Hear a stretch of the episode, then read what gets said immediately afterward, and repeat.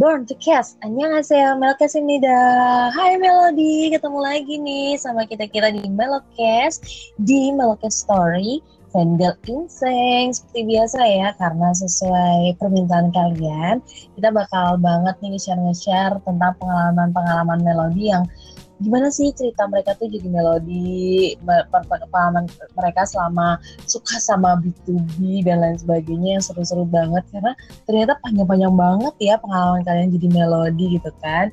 Dan tentunya di kali ini gue gak sendirian. Gue berdua nih sama si Sherin. Hai Sherin. Halo. Kita berdua dulu nih ya. Trionya lagi uh, sedang kontraknya diperpanjang uh, masih masih tanda tangan kontrak biasa. Soalnya kan kita biar jadi duta angin tolak gitu kan jadi harus berhati-hati dengan segala yang diucapkan. Gimana nih? Udah siap belum ya ini ya nemenin? Siap Yes, siap, yang pastinya kita udah siap. share ya temanya di medsos kita, ada di Instagram dan juga di Twitter dan udah banyak banget nih yang nge-share dan udah saling memberikan masukan. Tapi sebelum itu, lo mau ngasih tau dulu nggak Rin, yang terbaru dari kehidupan fangirling lo tentang B2B apaan nih? Kehidupan hmm, fangirl gue yang terbaru nggak ada sih. Paling apaan? Paling uh, uh, nungguin Minhyuk pulang aja sama Changsu. pulang sih ya. Kalau kehidupan gue fangirling jadi B2B yang paling baru sih uh, apa ya? yang pasti gue sekarang punya support system sih yang baik sumpah ya Asik. iya ini terus oh. mumpung mumpung sharing sendirian nih kayaknya nggak boleh jomblo enak nih oh jahat banget gue ya nggak sih? Yang pasti uh, selama Pang debut solo ini ya itu tuh bener kayak ya Allah gue tuh kayak bener-bener oh jadi gini rasanya mendukung seseorang. Karena selama ini kan gue mendukung tujuh orang ya yang membuat hati ini terpecah belah. Karena pasti ada masanya siapa yang ganteng siapa yang biasa aja dan engkau biasa aja yang lain ganteng itu biasa banget. Tapi ketika engkau sendirian tuh kayak oh my god ngeliat dia di di apa di musik show gitu kan di panggung sendirian kayak ya Allah Aa kamu ternyata menggoda. Ya Allah uh, kamu pakai sarung tinggal pakai kopiah uh, gitu bisa jadi imam yang lain. Parah banget lu karena tuh suami lu denger nanti. Enggak gitu enggak yang yang apa gitu yang bajunya kayak sarung gitu kan itu kan tinggal pakein kopiah gitu kan terus ya ya Allah uh, uh, gitu tinggal, iya, tinggal jadi imam lain imam aja tuh? Enggak, sampai, beberapa temen gue tuh kayak gini, ya Allah nah, lu tuh masih aja sama engkong, nggak ada yang lain selain engkong gitu. Ya ada, engkong tuh udah kayak ya Allah, engkong gue selama kayak kayak engkong engkong nyanyi-nyanyi di musik show gitu tuh kayak ya Allah engkong, ya Allah engkong gitu kan. Apalagi dia kalau di radio yang sempat nyanyi Jinto Baby itu gue rasanya ya Allah gue pengen beli lagu lu yang Jinto Baby gitu kan. Udah bukan lagunya dia juga. nggak tahu gue abis tahu ya sama engkong sama engkong gampang banget gue itu itu itu yes, beautiful kalau, karma kan beautiful karma mah sama engkong nggak ada habisnya sih ngeliat dia mau dihina gimana gue tuh dia kayak yang oh my god yes engkong nggak apa-apa engkong masih engkong oke okay, kayak gitu udah udah mau hmm. gue mau dukung baik, baik. tapi sebelum bacain yang lain ya ya ya sering ya sebelum bacain itu ini yang kemarin-kemarin itu ada ramai ya nih seseorang yang public figure buat kita ternyata dia dulu tuh melodi bahkan sekarang udah masuk melodi lagi gitu kan ya lo sempet tahu nggak? Gue baca di gue baca hmm. di Twitter sih kemarin sempet kayak dia dia bilang kalau uh, bias dia di yeah. B2B tuh Sungjae pas katanya tuh uh, apa ya kalau nggak salah dia ngomong pers pertama kali ngelihat di second con confession katanya udah langsung iya jatuh hati sama yang gue mau tanyain nah. gitu ya itu dulu tuh waktu ngeliat pertama kali Enkong kayak gimana ya kan Enggak, rambut gitu kan. blonde. Ya, ya kita tahu lah second convention itu semuanya udah ya at least udah bagus-bagus gitu ya. Uh, casingnya tuh udah bagus gitu kan. Terus dia nge-review beberapa video klip yang lama dibukalah itu bimil jeng deng deng deng deng deng deng aduh gue masih keinget itu loh MV-nya gitu betul kayak yang semacam ini anak bener-bener deh. Ngeliat MV-nya langsung ya Allah gue benci banget MV-nya yang dulu. Tapi sekarang kalau ngeliatin MV-nya ya ampun tuh pipinya pipinya si Ilham gimana ya? Cabi-cabi gimana? Tapi mukanya Anto pengen gitu semuanya masih semuanya masih pada iya. gitu lagi. Terus si corong masih ya Allah sumpah. Kalau kak inget MV itu rasanya ya Allah. Suka sih tapi memendam memendam dendam memendam rasa. Susah banget. Iya tapi ternyata tuh banyak banget ya yang suka sama B2B at least yang itu yang kita tahu. Eh, mungkin ada beberapa di sana yang kita nggak tahu gitu loh ya. Dan ada beberapa melodi yang udah yeah. share ceritanya sama kita. Yang lagi booming wah ini nih Wah. sebelum nge-share lagi nih gue, gue mau ngomong yang lagi booming lo udah baca belum sih ada dosen yang ditungguin mahasiswanya buat kuliah online ternyata dosennya malah nontonin Sungje dramanya Sungje gue nggak tahu tuh gila itu dapat cerita kan dari mana di share itu? salah satu di manifest base gitu kan kalau di Twitter kan ya nah si si ah. dosennya ini tuh ngomong uh. ke ah. salah satu mahasiswanya kalau kuliah yang jam satu itu ditunda hmm. aja setengah tiga karena saya kebablasan nonton drama Korea gitu kan dosennya bilang terus terus paling bawah gini dia bilangnya iya nih saya nonton drama Korea yang lead mailnya si Sungji-nya B2B gitu. itu hmm, gokil banget gue cuma dosen. Umur berapa coba yang diliatin Sungji ya Allah. Pasti tuh. Pasti tuh apa namanya itu? Korban sanggap poca dia. Pengen ketemu si Hangkan B gitu kan. Pengen cerita-cerita gitu dipegang. Rata-rata nih ya semua member tuh makin tua tuh makin ya. makin jadi tau gak sih lu? Nah. Kayak waduh ganteng gitu loh padahal dulunya ya ya mati lah bu ya Aan Kuang aja udah kayak gitu bu paling enggak tuh iya udah ada dulu paling enggak kalau buat gue ya jujur kalau buat gue gitu gitu ya kalau lu mau ngasih batasan ganteng atau enggak gitu kan maksudnya yang yang makin lama makin ganteng lihat aja perubahan dari Enkwang yang dulu yang paling bawah gitu kan dari masalah masalah casing ya sekarang tuh udah dia tuh naik naik di rata-rata menengah bahkan itu sudah bisa sama Sungji gitu udah naik turun sama Ilmu udah naik turun gitu kan berarti udah beda aura beda aura gila aku bucin. Karismatik sekarang tuh gue bucin banget sama astagfirullahaladzim. Udah deh kan bucin mending bacain cerita. Daripada dulu bucin, deh. Mau lu duluan apa gue dulu nih yang bacain?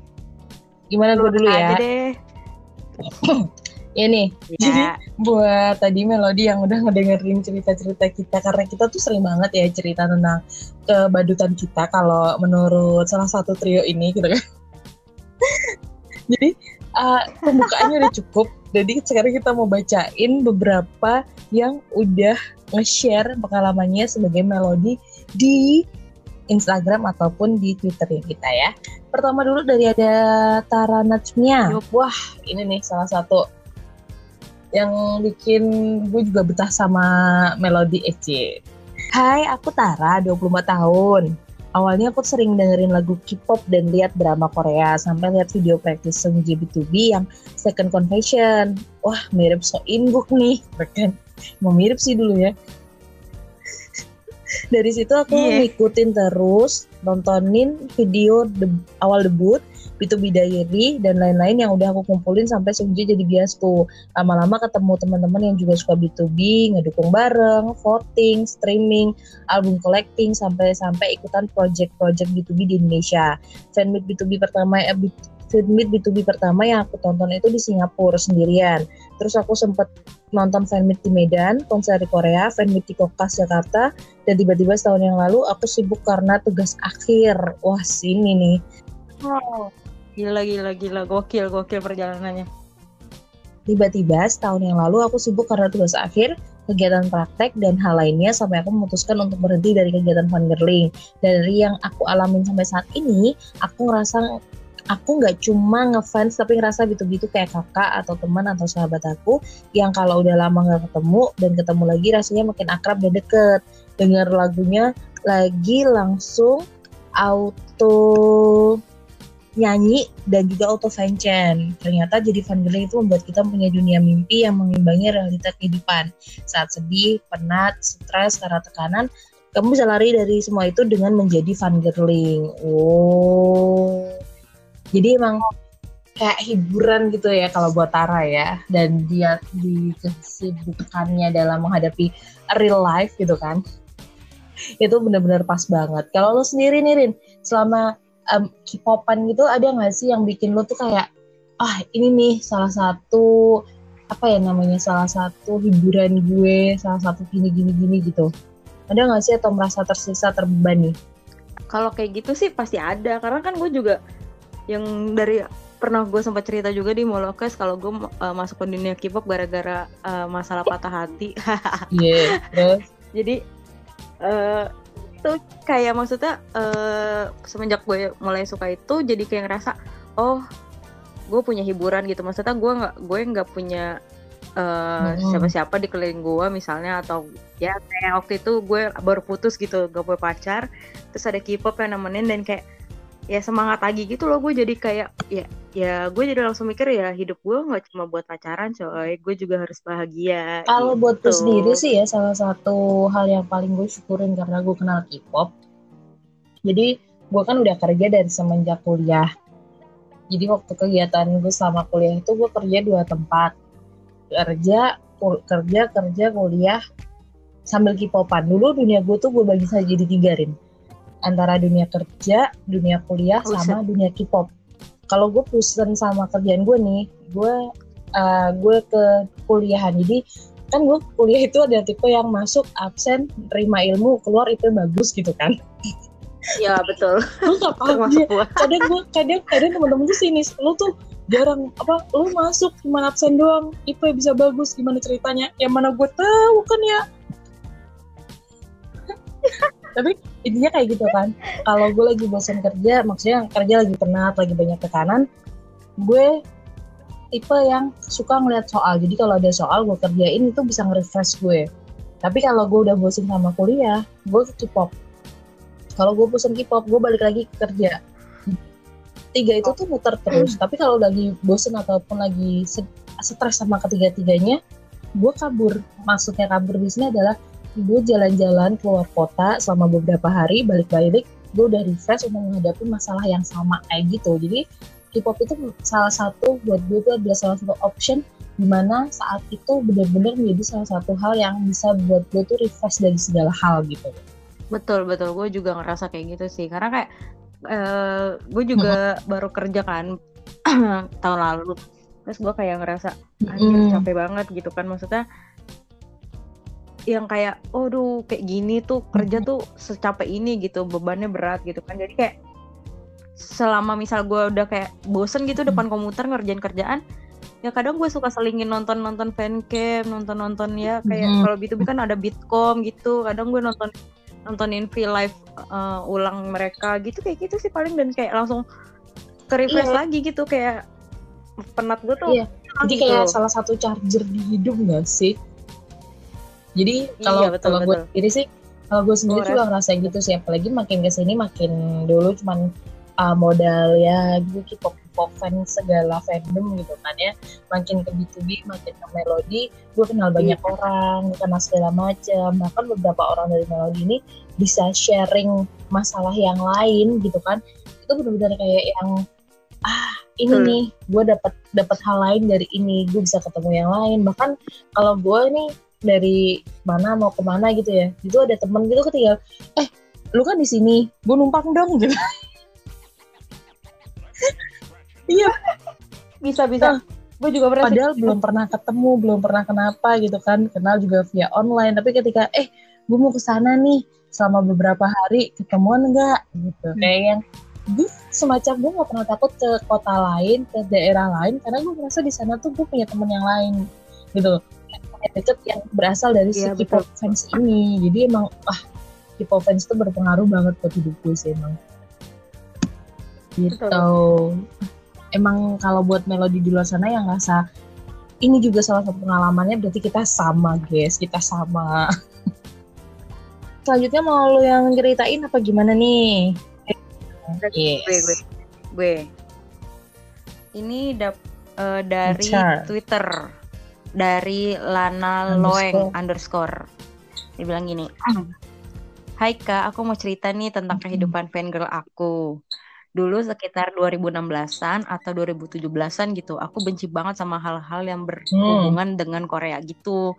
Apalagi sama idol-idol gitu. Sampai-sampai aku pernah ngomong apaan sih? Orang Korea mah alay banget uh kata dia gitu. Ngapain coba suka sama mereka? Nggak penting banget anjir kata dia. Terus dia bilang walaupun gitu aku kadang suka dengerin teman aku cerita tentang idol gitu walaupun gak ngerti. Terus waktu 2016an kalau nggak salah aku nonton film Korea untuk pertama kalinya yaitu Train to Busan. Itu film Korea pertama banget aku tonton semenjak corona terus semenjak corona datang aku jadi sering nonton drakor Nah, belum lama ini aku nonton Goblin dan di film itu ada Sung Jae. Otomatis pas aku lihat dia, eh cakep banget. Wah, kayak gue nih ceritanya. tapi tapi ini uh, iya lanjut lanjut lanjut dulu, lanjut dulu, lanjut dulu. Terus uh. lanjut lanjut. Terus kata aku bilang, itu Sung Jae tuh di grup B2B. In fact, uh, in fact my auntie like oh. B2B so much kata dia. Wow, gila tantenya. Uh, terus tiap hari kalau ke rumah tante aku dia kayak selalu dengerin lagu B2B gitu. And my heart say, apaan sih nggak jelas banget, berisik banget sumpah nih lagu. Dan someday aku kayak ke rumah nenek aku gitu kan, dan di sana ada tante aku yang suka sama B2B. Dan entah kenapa hari itu aku kepo banget tentang B2B. Dan akhirnya aku nanya ke tante aku gitu, besoknya aku kayak dengerin lagu-lagu B2B dan mulai ngafalin member-membernya. Semenjak hari itu aku jadi suka banget sama B2B bahkan tiap hari aku nyanyi-nyanyi sendiri terus joget-joget sendiri gitu sambil denger lagunya.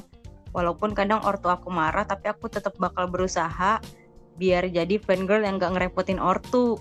Dan semenjak jadi fan girl terus follow akun ini dan aku in, ini ngadain GA langsung ikutan. And this is my very first time ikutan GA so wish me luck kata gitu. Namanya oh, Larissa di akunnya namanya Lana Loeng ya tapi nama aslinya Larissa. Thank you Larissa ya. ceritanya. Dan yang pasti uh, kalau ngomongin suka lewat Sungje ini salah satu yang uh, banyak orang terjadi gitu ya. Betul dan termasuk gue. gue merasa ini salah satu efek positif dari corona karena akhirnya dia melihat banyak drakor dan juga uh, kepincut sama BTV. Coba kalau nggak ada corona gitu kan nggak di rumah aja nggak nonton nonton drakor gitu kan ya kan? Yo ya, Beautiful Karma, Karma juga cuy. Tapi belum kayaknya uh, gue masih gue lebih penasaran sama cerita auntinya deh.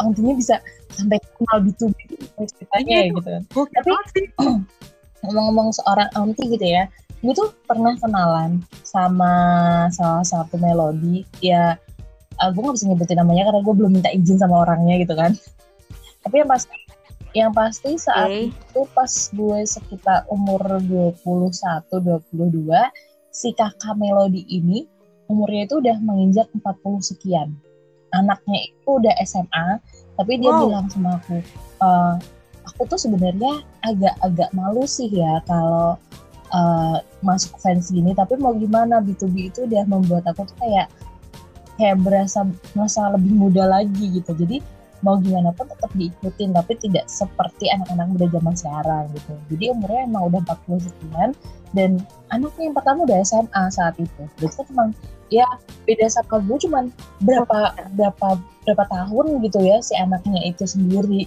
Tapi mau bener-bener gokil gue bisa nemuin yang kayak gini gitu kan. Oh my god. Hebat hebat hebat jadi emang mungkin nantinya bisa disuruh dengerin pot melokesnya kita gitu kan, podcastnya kita. Terus iya, nanti bener -bener. siapa tahu jadi bintang tamu melokes suatu saat nanti. Nantinya mau nge-share cerita juga boleh. Email dibuka ya di b2b di btb cb underscore id at gmail.com.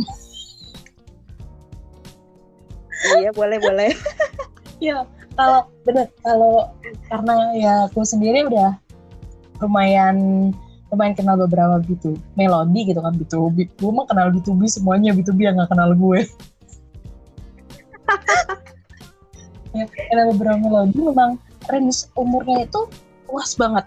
Ada yang dari eh ya tadi gue bilang gitu kan seumuran bahkan hampir seumuran kayak tante gue sendiri kayak nyokap gue sampai yang paling muda yang baru-baru datang gitu kan. Dan gue kemarin baru-baru lihat tuh sekitar ya banyak banget deh di grup gitu yang kelahiran 2003, 2004 itu baru masuk jadi melodi dan welcome to melodi gitu. Join to the club ya kan. Selamat menggila. Oh iya. Aduh, yuk lanjut lagi nih. Udah ada yang cerita lagi ya kan ya. Masih dari Twitter gitu kan. Dari at lovehuni 1004 ini juga orangnya yang sering banget gitu kan ngedengerin podcast kita dan memberi feedback yang baik. Terima kasih ya kan? Aku mau cerita nih kehidupan fangirling aku. Awalnya sebelum tahu B2B aku tuh sempat nge-stand uh, Super Junior. Terus ganti lagi nge-stand Shiny terus ganti lagi nge-stand Big Bang. Tapi nggak sampai nge-stand banget gitu dan masih biasa-biasa aja sama dunia K-pop dan Korea gitu. Sampai pada suatu hari tepatnya waktu malam aku lagi iseng-iseng gitu buka Google terus pengen tahu tentang Saseng Fans. Jadi aku ngetik tuh Saseng Fans aku langsung klik artikel pertama dan yang muncul langsung menceritakan B2B yang punya Saseng Fans pas saat mereka debut. Ya Allah debut langsung Saseng Fans gitu. Sejak saat itu aku penasaran B2B itu grup kayak gimana sih? Abis itu pertama aku langsung nonton comeback mereka waktu itu yang second confession. Waktu nonton itu langsung ngerasa wah grup ini keren juga ya. Terus mata aku langsung tertuju ke salah satu cowok yang rapnya langsung buat aku tertarik dan cute plus ganteng gitu. Dan aku langsung search profilnya B2B di Google dan baru tahu oh cowok yang buat aku tertarik itu namanya Ilhun Sejak saat wow. itu aku langsung ngabiasin B2B dan buat aku pengen tahu banget sama bahasa Korea dan pengen tahu lebih dalam soal B2B. Sampai sekarang aku jadi cinta banget sama B2B dan gak bisa ninggalin B2B dan udah stuck sama B2B banget. Cuma B2B aku wow. jatuh cinta sama grup K-pop sampai lama begini dari 2013 sampai sekarang. Thank you kakak-kakak yang udah bacain dan dengerin cerita aku yang panjang ini. Thank you juga buat kamu yang udah nge-share cerita kamu.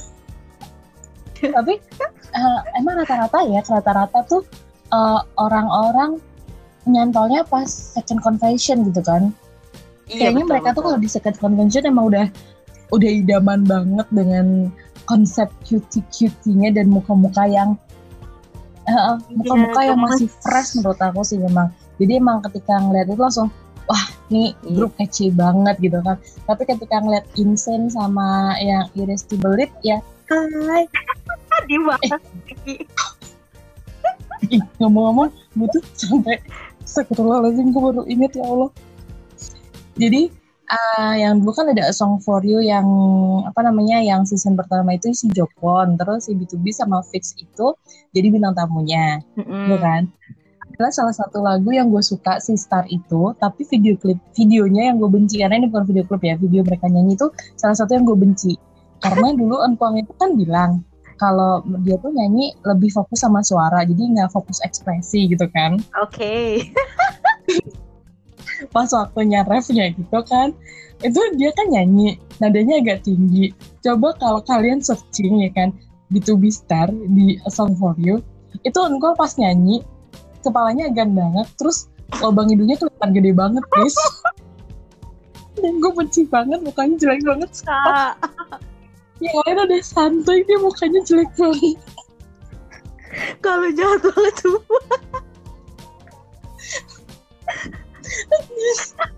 dia nyanyi sumpah. Gue sampai gue kalau bagian itu tuh per sempet gue post terus gue ketawain ngakak tapi setiap nonton itu tuh langsung gue skip. Nah, kalau enggak gue lagunya tuh gue cuma ngedengerin lagunya doang ya Allah. Ya Allah Seprajim jahat banget loh lu parah banget lo. Waduh waduh waduh dibilangin akhirnya gue kena karma sama engkong makanya setiap dia jelek tuh gue bahagia banget. Tapi untungnya untungnya sekarang dia udah komik so, apa debut solo gitu kan dan dia nyanyinya udah ekspresinya udah udah ketata gitu kan. Coba kalau kayak dulu dia masih sendirian terus mukanya full face ke dia gitu kan gue ngeliat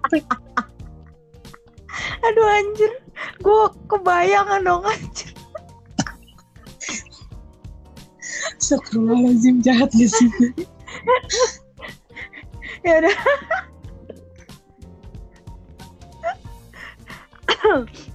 Lanjut.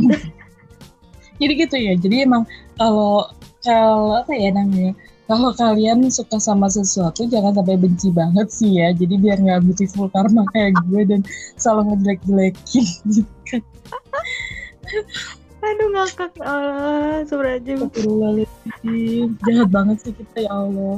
Gue sih yang jahat. Udah udah udah Rin. Gue masih kebayang mukanya. Buat buat melodi yang lain jangan dibayangin ya mukanya ya. Biarin aja. Itu emang muka khasnya empang kalau kalian udah kalau kalian udah ngeliat video itu kalian pasti tahu bagian mana yang gue maksud udah udah kita lanjut kita lanjut nah, ada lanjut satu lagi iya satu lagi nih uh, mau lu yang bacain apa gue nih yang bacain gue boleh gue boleh boleh. Oke. Okay. Okay. Nih, kalau yang ini dari Instagram nih. Iya. Yeah. Namanya Nindo Sai. Uh, Hai kak, sorry ya tiba-tiba DM mau ikut cerita tentang fangirling live as a melody. Boleh kan ya? Aku Boleh banget. Relate sama topiknya atau enggak. Cuma aku mau sharing sedikit aja. Hehe. Anyway, aku baby melody dari 2017 dan kebetulan aku 03 line. Oh my god, masih muda aku mau cerita sedikit tentang betapa bangganya aku bisa ngenalin B2B ke teman-teman sekolah waktu aku SMP. Dulu hmm. waktu teman perempuan di kelas aku K-pop fans dan mereka berasal dari satu fandom yang sama. Jadi heterogen gitu kak, ada yang suka EXO, BTS, Seventeen, Astro, B1A4, Infinite, GOT7 dan masih banyak yang lainnya. Aku dulu selalu dikasih unjuk MV, musik, dan video-video grup-grup itu, tapi anehnya aku belum bisa tertarik karena menurutku genrenya belum cocok sama genre aku. Sampai hmm. akhirnya aku ketemu sama MV Second Confession. Second Confession lagi nih guys. Nya B2B dan aku langsung jatuh cinta banget sama lagunya. Mulai dari situ aku kayak poin mereka dan mutusin buat jadi melodi. Tapi sayangnya di, di sekolah aku belum ada yang jadi melodi waktu itu. Sampai hmm. akhirnya aku berusaha buat ngenalin B2B ke teman-teman aku. Banyak yang tertarik sama kepribadian lucunya B2B tapi sayangnya mereka nggak kesangkut sama lagu-lagunya. Tapi waktu itu aku nggak nyerah gitu aja. Aku bener-bener ngeracunin teman-teman yang aku kenal di angkatan aku. Dan kebetulan hmm. itu, waktu itu lagi zaman di mana B2B ngeluarin project Piece of B2B dan keluarlah lagunya Changsup yang At the End. Wow. Aku benar-benar suka wow. banget sama itu sampai aku nyanyiin tiap hari di sekolah. Dan aku nggak nyangka ada satu temanku yang juga suka banget lagu itu karena sering aku nyanyiin. Akhirnya dari situ kita mulai belajar jadi melodi pelan-pelan. Jujur masih amatir banget karena waktu itu masih kelas 9 dan mm-hmm. akhirnya aku bareng buat ikut PO albumnya B2B yang Brother Egg kita berdua unboxing di sekolah bareng-bareng saking excitednya. Karena itu album dan comeback pertama kita as a melody. Mulai dari situ aku dan temenku sadar standar lagunya B2B itu nggak main-main. Wow. Oh. aku dan temenku uh, sadar ternyata genre lagu B2B itu spesial banget. Jarang banget bisa kita temuin di grup-grup lain. Terus kita berdua ngerasa spesial juga karena ternyata selera musik kita beda dari yang lain. Lebih spesial aja gitu mungkin teman-temanku ngerasa bahwa B2B itu cuma terkenal karena lucunya aja padahal talentednya talentnya juga luar biasa. Aku masih punya misi untuk buat B2B lebih dikenal di kalangan angkatan aku yang notabene emang banyak K-pop fan. Intinya sih aku ngerasa beruntung dan senang banget bisa kenal B2B dan jadi melodi karena aku ngerasa mereka itu beda dari idol yang lain.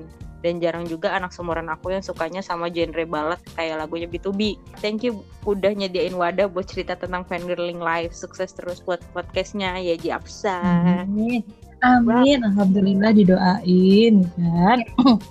itu benar-benar membawa hikmah ya. Tapi kenapa ya emang second confession lagi-lagi second confession yang bikin mereka jatuh cinta gitu kan sama Baby. Yo Tapi emang emang di situ emang ganteng banget sih terus emang sosok nyetir gitu kan. Gue masih inget banget. Gemes.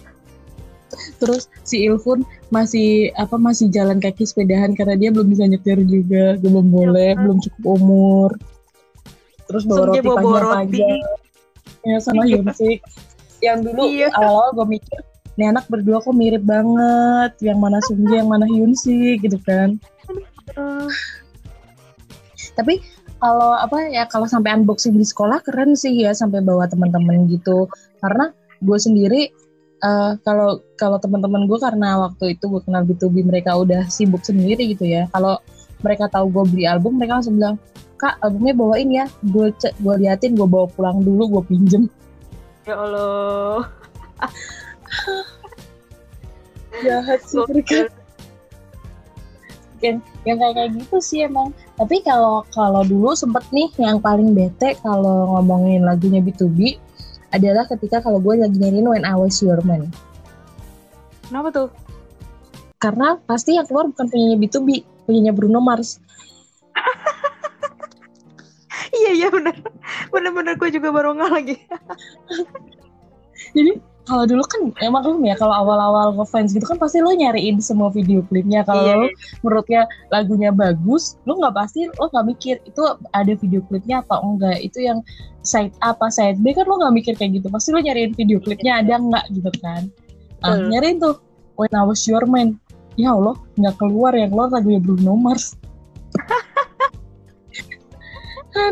Kalaupun keluar cuma satu satu dua gitu gak ada yang lain ya Allah Terus sampai gini, lu bisa gak sih bikin lagu yang judulnya nggak sama gitu kan? Sosok ganteng tapi lagu judulnya sama, kan bingung.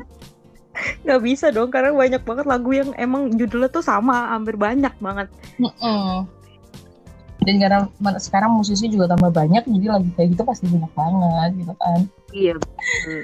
Aduh, itu tadi ya beberapa yang udah nge-share uh, apa ya kehidupannya menjadi fangirl apalagi menjadi melodi gitu kan selama ini. Yang pokoknya udah nge-review jadi B2B eh jadi melodi gitu ya jadi B2B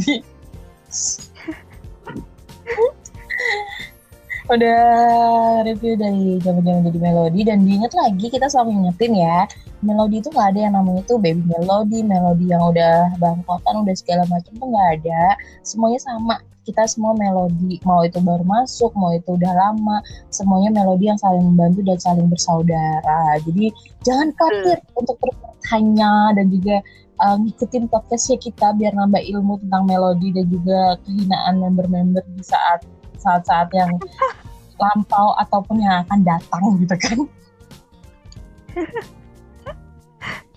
mungkin Sherin mau nge-share sesuatu gitu ingat setelah ini ada cerita apa gitu mau, mau gimana Rin? Oh, gue ada cerita satu cerita nih. Gue gimana gimana? Jadi gue punya adik kelas gitu waktu sekolah. Hmm. Terus hmm. Uh, kita kita kan temenan tuh di Instagram gitu kan. Hmm. Terus nggak beberapa waktu lalu dia sempet DM gue gitu tiba-tiba gue kaget banget tuh dia tiba-tiba DM uh, kak lo melodi ya? Gitu gue kaget dong. Maksudnya selama ini gue ngeliat Instagram dia atau maksudnya dia update update story gitu gue nggak pernah ngeliat dia tuh kayak K-pop fans gitu. Terus gue kaget. Terus akhirnya uh, kayak Ih, gue jawab ya iya. Terus gue gue gue langsung bilang e, kok lo bisa tahu-tahuan melodi? Gue bilang gitu. Terus mm. akhirnya dia cerita gak panjang lebar terus kata kayak Iya gue sebenarnya udah suka Korea dari lama sih kak dari drama kata dia gitu. Terus uh, kayak hmm. uh, eh, gue langsung uh, suka sama Song Jae gitu pas nonton B2B kata dia gitu. Gue lupa dia nonton hmm. di mana hmm. intinya dia langsung sama Song Jae lah. Hmm. Terus ya udah cerita gitu terus kayak dia langsung uh, pokoknya kayak nanya-nanya semua merchandise B2B gitulah. Terus dia kayak ngerasa terus dia bilang uh, dia bilang tuh uh, nyesel baru apa baru tahu B2B tuh sekarang sekarang ini pas mereka udah pada berangkat wamil gitu. Terus gue bilang hmm. ya nggak apa-apa sih maksudnya mereka wamil juga biar cepet balik gitu biar cepet ngumpul maksudnya gitu kan. Hmm. terus dia bilang e, kak lu kalau ke Korea lagi uh, ajak-ajak gue kata dia gitu kan. Kak dua tahun lagi ya kak 10 tahun kata kayak gitu. Terus gue kayak iya iya gue bilang iya iya nanti kita berangkat bareng. Iya iya gue gitu itu saking kayak gue gue bener kayak kaget sih. Maksudnya gue nggak pernah tahu-tahuan dia suka sama Korea-Koreaan. Terus tiba-tiba ngomong hmm. kayak gitu kayak wow banget oh, gitu. Amazing gitu ya. Apalagi iya. yang bisa dibilang jarang komunikasi jarang ngobrol tiba-tiba ngobrolinnya karena B2B itu kayak wah ini salah satu uh, harta karun yang tidak terlupakan gitu kan. Iya. Gue dulu gitu gue dulu teman iya punya temen nongkrong gitu kan. Dia tuh emang suka hmm. Korea tapi nggak nggak sampai suka satu satu grup itu nggak suka. Tiba-tiba gue suka B2B gue sering ngasih ke dia dia tiba-tiba gini ih Changsuk ganteng ya mbak. Tapi tapi gantengnya cuma kalau di foto kalau video udah rusak semua isinya Changsuk betul eh tapi gue udah kejadian lucu dari situ dari Changsuk pas yang sebelum dia berangkat wamil tuh. Iya terus gimana gimana gimana? Dia waktu waktu itu kan dia konser tuh yang ingat gak sih yang dia uh, joget Sunmi? Eh mm, joget apa sih waktu itu? Oh joget Temin yang iya iya iya. Iya iya yang move yang sosokan itu. itu kan Iya, itu kan gue juga nge-repost repost dari beberapa melodi yang nonton di sana gitu kan, gue upload di Twitter. Terus mm. uh, ada ada orang Korea nge-DM gue karena kan gue di situ update pakai bahasa Korea gitu kan mm. terus dia nge-DM gue gitu dia bilang uh, dia intinya tuh dia minta semua video-video sama foto-foto uh, waktu konser tadi konsernya Changsung mm -hmm. tadi karena dia, mm -hmm. karena dia nggak sempat nggak sempat ke foto karena saking nikmatin konser mm -hmm. terus gue kayak gue kan gak nonton terus dia nanya ke gue gue kayak bingung dong jawabnya gimana? Terus gue bilang e, ya gue bilang aja intinya e, gue minta maaf karena gue sebenarnya nggak nonton ke sana. Gue juga nge repost repost dari beberapa akun-akun orang yang nonton gitu kan. Gue mesti oh, dia bisa nemu nemunya twitter gue gitu dia sampai nanya kayak gitu karena kayak katanya saking nikmatin konsernya dia nggak sempat ngerekam sampai ngefoto kayak gitu. Ya allah gue pengen banget ngerasain nonton kayak gitu. Bisa langsung. Kalau kalau gue sendiri gue sendiri mungkin tipe kayak dia. Jadi gue sendiri adalah tipe yang kalau udah nonton konser nih nonton siapa gitu kan HP itu udah ditaruh. Udah nggak inget apa pun. Karena buat gue rekaman di memori kita itu lebih penting daripada rekaman di HP kayak gitu. Jadi kalau gitu ya. Uh -uh. Kalau udah megang HP kan kita konsernya pasti ini fokusnya HP jangan sampai hilang jangan sampai hilang. Akhirnya kita nggak dapet momen. Momennya malah ketika kita nge-review dari HP sendiri. Tapi ketika kita full ya udahlah gue menikmatin gitu kan sampai nangis nangis nggak jelas betul betul. Eh tapi ngomongin Changsub memang beneran loh. Changsub tuh kalau kalau dari deket ya kalau dari deket tuh dia tuh emang uh, ganteng banget. Tapi kelihatan bego. Iya iya gue akui itu. Ya Allah punya gue Changsub ya Allah. Yang pas yang pas di Jakarta kemarin itu waktu gue high five sama Changsub tuh rasanya hmm. tuh mukanya dia pengen gue tampol gitu loh. Saking ngeselinnya tau gak sih lo? Iya ketemu tuh langsung ngeselin banget tuh mukanya sama dia cuma ah iya nih nih nih nih nih lambung rasanya gue udah gregetin nggak pengen high five tapi gue pengen nampol saking gantengnya tapi gregetin gitu gimana sih? Ya Allah kalau ketemu Cangsu astagfirullah Cangsu maafin gue ya Allah Cangsu maafin gue gini gini gue lebih tua dari lu Cangsu gitu kan? Bisa gitu. Nuna Nuna Nuna depan ya kan? Tapi ngomong-ngomongin semuanya memang kita nggak akan ada habisnya. Bahkan waktunya podcast ini pun nggak mungkin selesai gitu ya kalau untuk ngobrolin tentang si B2B sendiri apalagi kehidupan vendor kita. Dan pastinya tema kali ini kayaknya bakal jadi uh, bakal muncul lagi gitu kan? Bakal muncul lagi tapi entah kapan jadi tetap stay aja. Ya kan gitu kan Rin? Yoi betul. Ada uh, sebelum gue pamit nih ada tambahan nggak sih dari lo intinya uh, buat melodi semuanya dengerin podcast uh, episode ini kalian tungguin episode uh, Fangirl Inseng nantinya entah kapan -hmm. karena bakal ada cerita kebadutan dari Ibu Anggi setelah kita perpanjang kontrak nanti ya Ibu Anggi ya tolong Ibu Anggi Iya, karena Ibu Anggi sedang sibuk uh, mempersiapkan hati dan pikiran, jadi mungkin uh, tanda tangan kontraknya juga belum diperpanjang gitu kan. Jadi hari ini nggak muncul dulu.